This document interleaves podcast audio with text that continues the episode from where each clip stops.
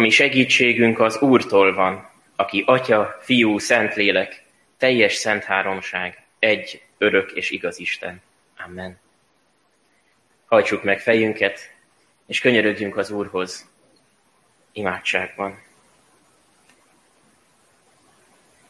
Mindenható mennyei Urunk, édesatyánk Jézus Krisztus érdeméért, dicsérünk és magasztalunk téged azért a jóságodért, amelyet nap mint nap megmutatsz nekünk, még akár a szoba bezártságában is, a karanténban is.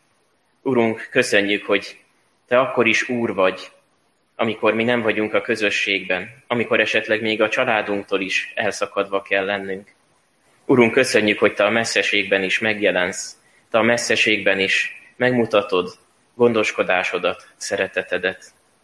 Urunk, megvalljuk, hogy ezekben az időkben is előtör belőlünk sokszor a keserűség, a panasz, akár az ellened való lázongás, hogy miért engeded ezt, hogy miért van mindez. De köszönjük, Urunk, hogy Te meghallod a mi panaszunkat is. Nem zárkózol el attól, hogy meghald, hogy nekünk tényleg rossz. De ilyenkor is köszönjük, hogy Te megmutatod, mi az, ami még ezeken a földi körülményeken is túlmutat. Megmutatod, hogy igenis bennünk is meg kell változnia valaminek. És köszönjük, Urunk, hogy Te magad vagy az, aki szíved, szívünket igéddel átformálod, szent lelkeddel újjászülöd, és Jézusért igazságot, szentséget ajándékozol nekünk. Köszönjük, Urunk, hogy Te előtted tiszták lehetünk, és úgy nézel ránk, mint szeretett gyermekeidre. Egyedül azért, mert Jézus ezt számunkra megszerezte a kereszten. Arra kérünk, Urunk, erősíts minket a mai napon is, hadd tudjuk egészen megragadni újra a Te kegyelmedet, a Te jó híredet. Hadd tudjuk meg újra, és hadd csodálkozzunk el azon újra, hogy milyen hatalmas dolgot vittél véghez miértünk. Kérünk, legyél velünk szent lelkeddel, bátoríts a mai napon is minket. Amen. Isten igéjét János evangéliumának negyedik fejezetéből, a 46. verstől az 54. versig terjedő szakaszból olvasom. Ebből lesz az igehirdetés alapigéje is. Azután ismét a galileai Kánába ment, ahol a vizet borrá változtatta. Kapernaumban pedig volt egy királyi tisztviselő, akinek betegen feküdt a fia. Amikor meghallotta, hogy Jézus megérkezett Judeából Galileába, elment hozzá és kérte, hogy jöjjön és gyógyítsa meg a fiát, mert halálán van. Erre Jézus ezt mondta neki. Ha nem láttok jeleket és csodákat, nem hisztek. A királyi tisztviselő kérte őt. Uram, jöjj mielőtt meghal a gyermekem. Jézus így válaszolt. Menj el, a te fiad él. Hitt az ember a szónak, amelyet Jézus mondott neki, és elindult. Még hazafelé tartott, amikor szembe jöttek vele a szolgái a hírrel, hogy a gyermeke él. Ekkor megkérdezte tőlük, hány órakor lett jobban. Ezt mondták neki. Tegnap délután egy órakor hagyta el a láz. Megértette tehát az apa, hogy abban az órában történt ez, amikor ezt mondta neki Jézus, a te fiad él.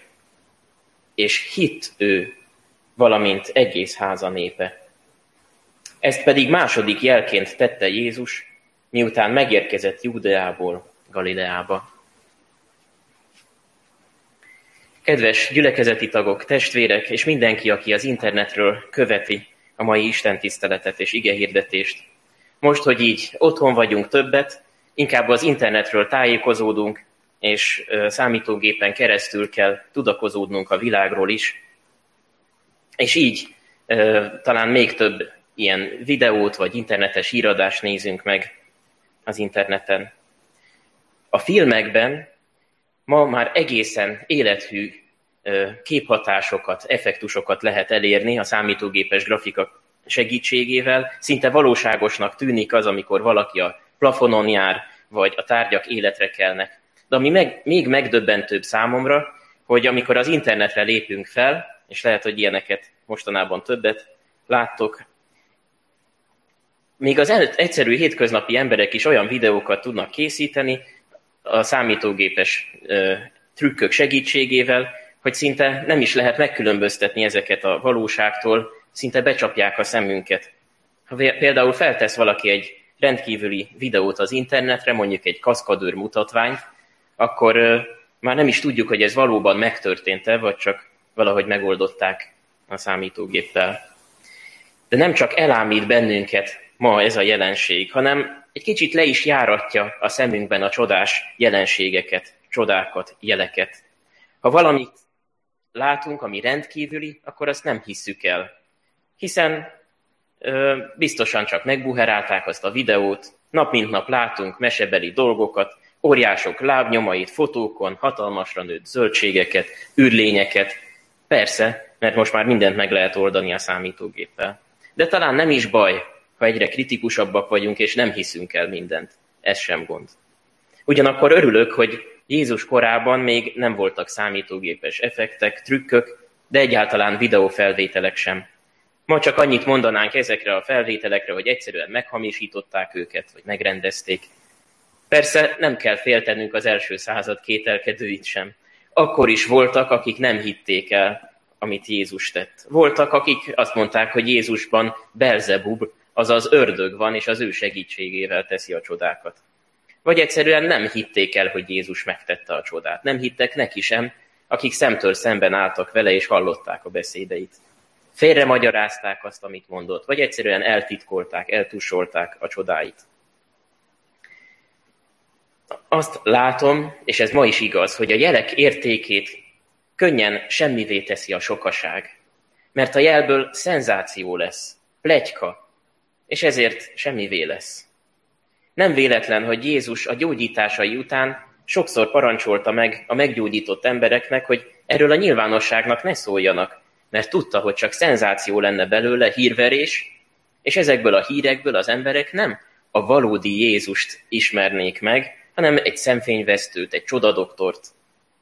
Mindent gondolnak a sokaságban, csak épp azt nem értik meg, hogy miért jött ez a próféta, ez a gyógyító, aki valójában sokkal több, mint egy egyszerű próféta vagy gyógyító.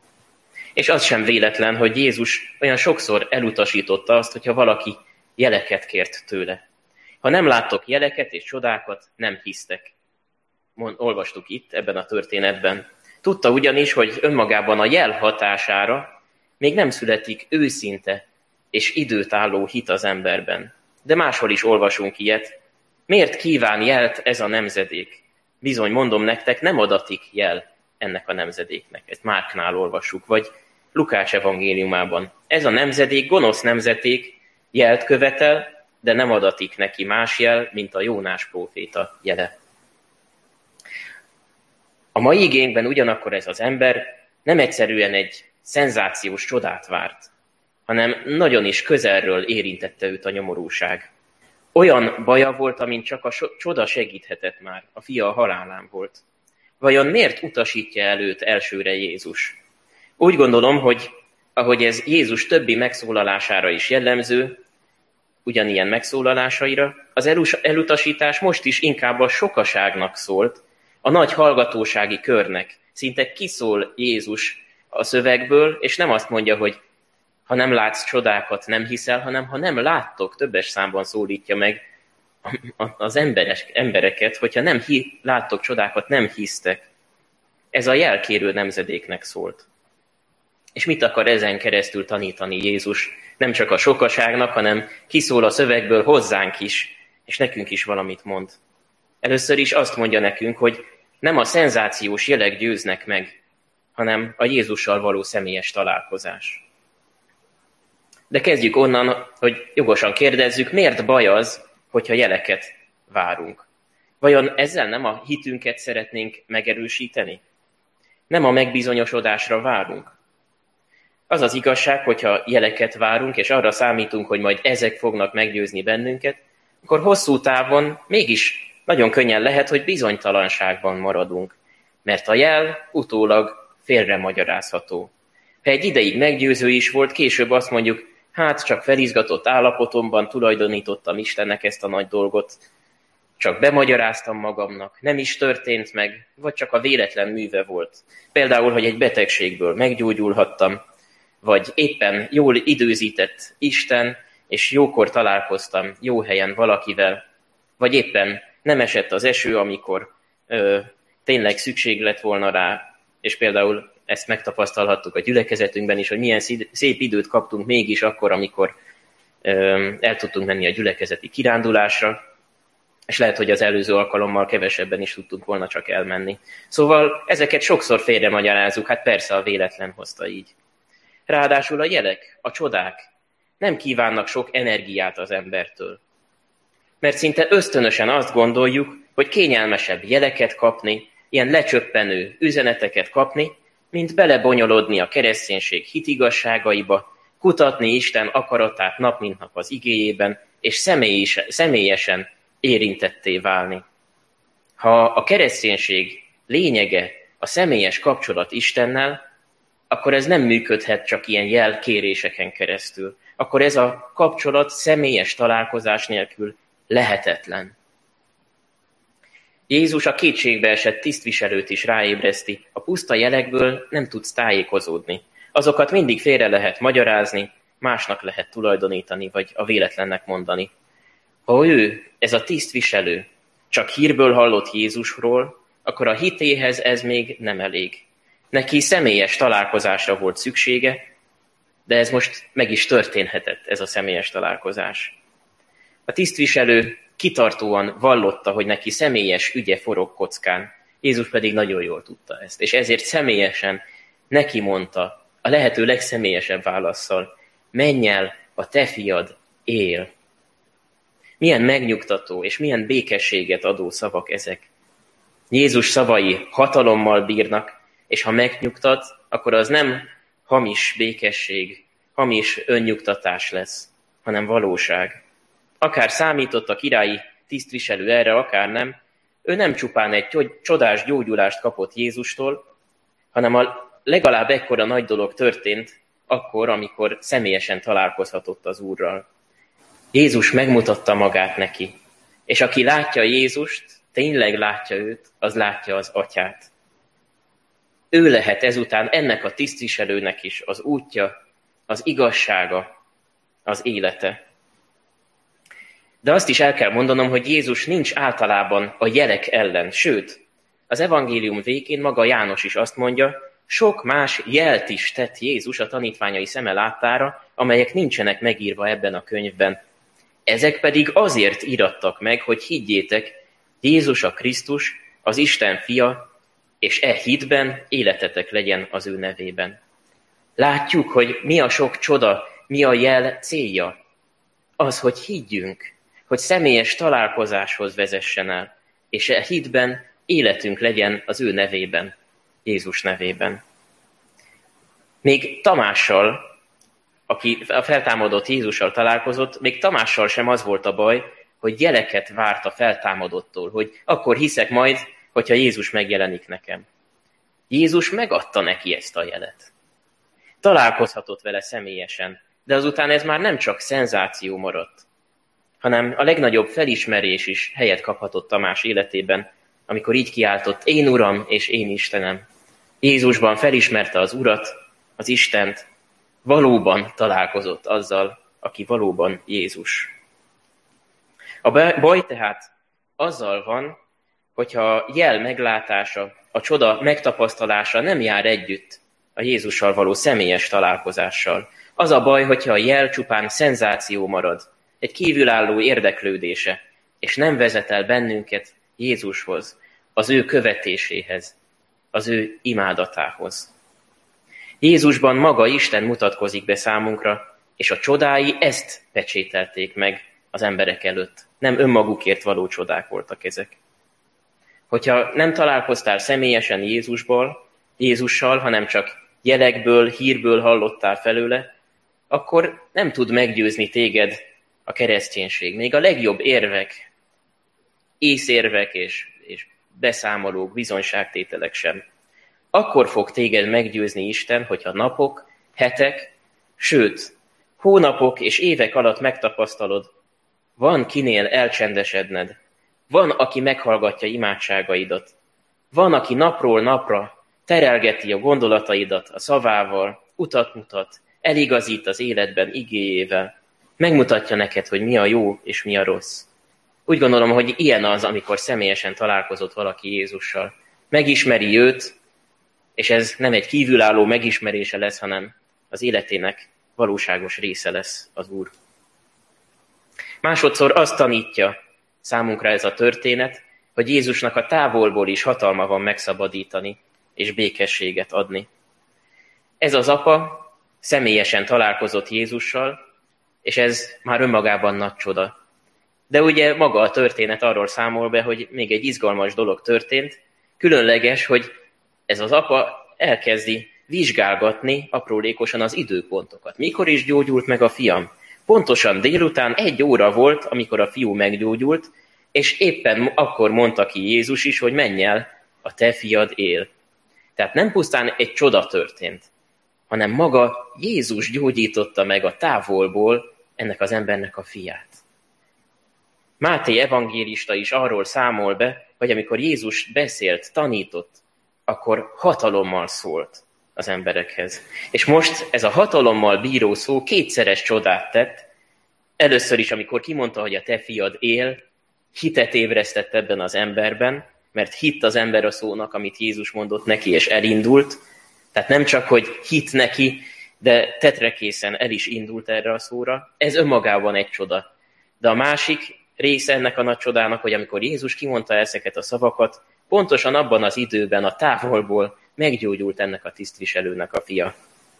Ez a beteg fiú a távolból is megtapasztalhatta a gyógyulást. És tulajdonképpen a szabadító urat ismerhette meg, így a távolból. Milyen különös.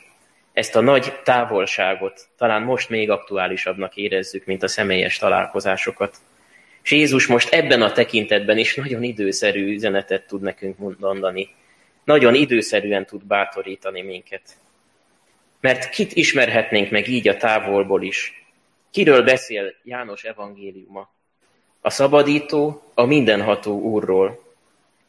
Még a nyelvemen sincs a szó, te már pontosan tudod, Uram, mondja a Zsoltáros, és ő már akkor tudja, hogy mire van szükséged, amikor lehet, hogy te ezt még el sem mondtad neki, még meg se tudtad fogalmazni, hogy mitől vagy feszült, mitől rettegsz. De ő nem pusztán a belső feszültségedre válaszol, hanem az igazi bajodra is, amikor kiderül, hogy a távolságot én magam okoztam. Én magam okoztam a bűneimmel. Nem az Úr keze rövid ahhoz, mondja Ézsaiás, hogy megsegítsen, hanem az, nem az ő füle süket ahhoz, hogy meghallgasson, hanem a ti bűneitek választottak el titeket istenetektől, a ti védkeitek miatt rejtette el orcáját előletek, és nem hallgatott meg. A kemény szavak ugyanakkor még valóságosabb, még alaposabb gyógyulást és szabadulást hoznak el az embernek. Ez igazi békességet hozó örömhír. Mert Jézus bemutatkozik nekünk hatalmas, szabadító úrként a távolból is, és így úgy mutatkozik be nekünk, aki a bűntől és a haláltól is megszabadít. Így olvassuk az új szövetségben ugyanezt az örömhírt. Ti abban az időben Krisztus nélkül éltetek, Izrael közösségétől elkülönítve, és mint az ígéret szövetségein kívül álló idegenek, reménység nélkül és Isten nélkül éltetek a világban. Most pedig Krisztus Jézusban ti, akik egykor távol voltatok, közel kerültetek a Krisztus vére által. Milyen jó, hogy Isten még így a távolból is, akár a nagy távolságból is, hogy nem lehetünk itt a gyülekezetben, alkalmad ad arra, hogy még jobban megismerhessük őt, személyesen megismerhessük őt. Nem pusztán egy szenzációs csodát tevő valakit, hanem a mindenség urát, aki a távolból is közel jött hozzánk, emberekhez, emberként, nagyon közeli emberként, azért, hogy az ember helyére álljon, és elhordozza bűneinek jogos büntetését. Jézus maga is átélte, milyen távolinak lenni, milyen magányosnak, kirekesztetnek lenni. Sőt, azt is átélte a kereszten, milyen az, amikor Istentől van távol, az atyától. Én Istenem, én Istenem, miért hagytál el engemet? Aki Jézusban hisz, akinek az élete felett Jézus Úr, annak már nem kell kimondania, hogy Isten elhagyta őt. Ezt szerezte meg számára Jézus. hogy távoliból közeli lett. Ez az ember biztosan tudhatja, hogy Isten az ő életében is gondoskodó atyaként van jelen, akinek a szeretetétől már senki sem szakíthatja előtt. Ezt azonban azok tapasztalhatják meg, akik Jézus váltságában bíznak, akiben Isten kicserélte a kőszívet egy Istent szerető, valódi hússzívre. Erre vágyhatunk, ezt kérhetjük ma is az Úrtól. Jézus nagyon jól tudja, hogy mire van szükségünk, a távolból is, a bezárt szobában is. És nem csak tudja, hogy mire van szükségünk, hanem annyira hatalmas, hogy a távolból is képes gondoskodni a szükségünkről. Nem korlátozza őt ez a távolság. A távolból szólhat nekünk most is, és megtapasztalhatjuk a gyógyulást, a megmenekülést, a megnyugvást és a békességet. A nagy örömhír, hogyha nekünk most távol is kell lennünk a gyülekezettől, vagy akár rokonainktól és családainktól is, Jézus még akkor sincs távol. Ő a messzeségben, a mindenkitől elszakított helyen is megjelenik, ahogyan Jeremiásnál is olvassuk, a messzeségben is megjelent az Úr. Örök szeretettel szerettelek, azért vontalak magamhoz hűségesen. Ha úgy érezzük, hogy elszakadtunk a közösségtől, a támogatástól, Jézus most azzal biztat bennünket, hogy emlékeztet az ő szeretetére és hűségére. Neki hatalma van megadni ezt a távolból is. Ez a hűség és a szeretet nem változik akkor sem, amikor karanténba kellett zárkóznunk, vagy akár betegséggel küzdünk a kórházi szobában is. A messzeségben is megjelent az Úr, örök szeretettel szerettelek, azért vontalak magamhoz hűségesen. Testvéreim, és mindenki, aki hallja most Isten igéjét, kapaszkodjunk bele ebbe az örömhírbe. Ha módunk van rá, mutassuk meg a távolból is Krisztus szeretetét másoknak. És mindenek előtt dicsérjük, magasztaljuk Jézust azért, hogy személyesen találkozhattunk vele, megismerhettük őt, mint szabadítónkat, és megtapasztalhattuk a távolból is munkálkodó hatalmát. Dicsőség legyen neki ezért. Amen.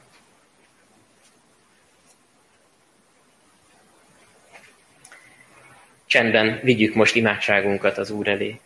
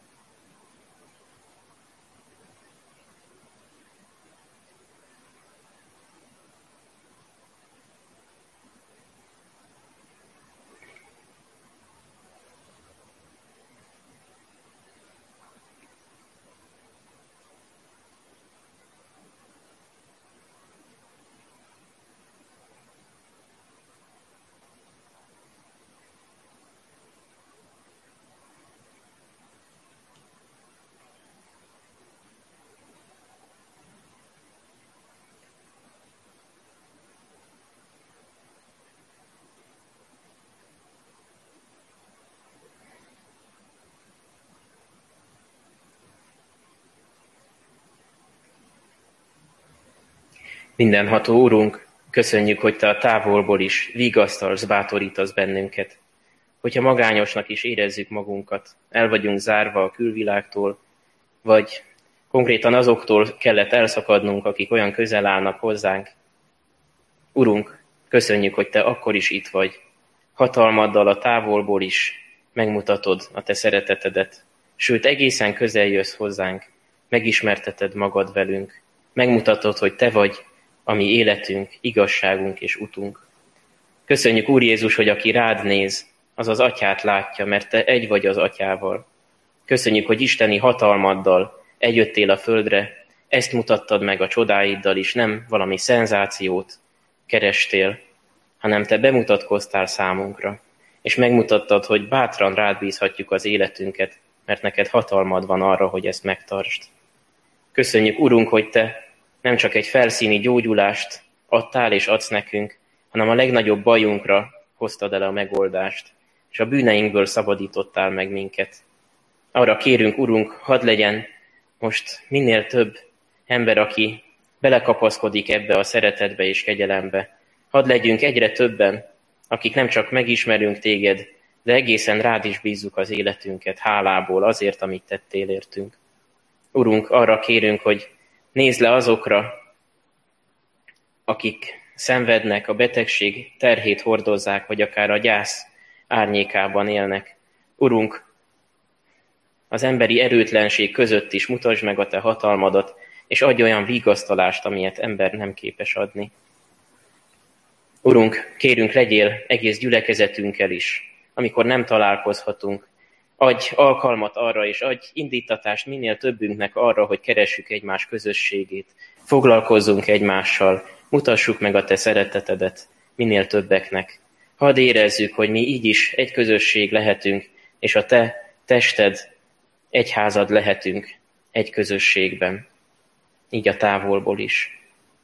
Urunk, és kérünk, legyél az orvosokkal ezekben a nehéz időkben, akikre olyan nagy teher nehezedik most.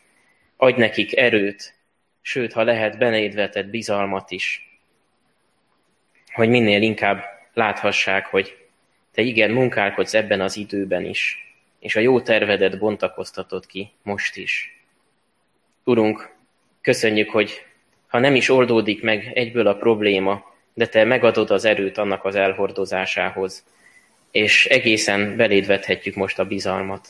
Kérünk ad, hogy ez a vírushelyzet is erre legyen alkalom, hogy egészen rád hagyatkozunk.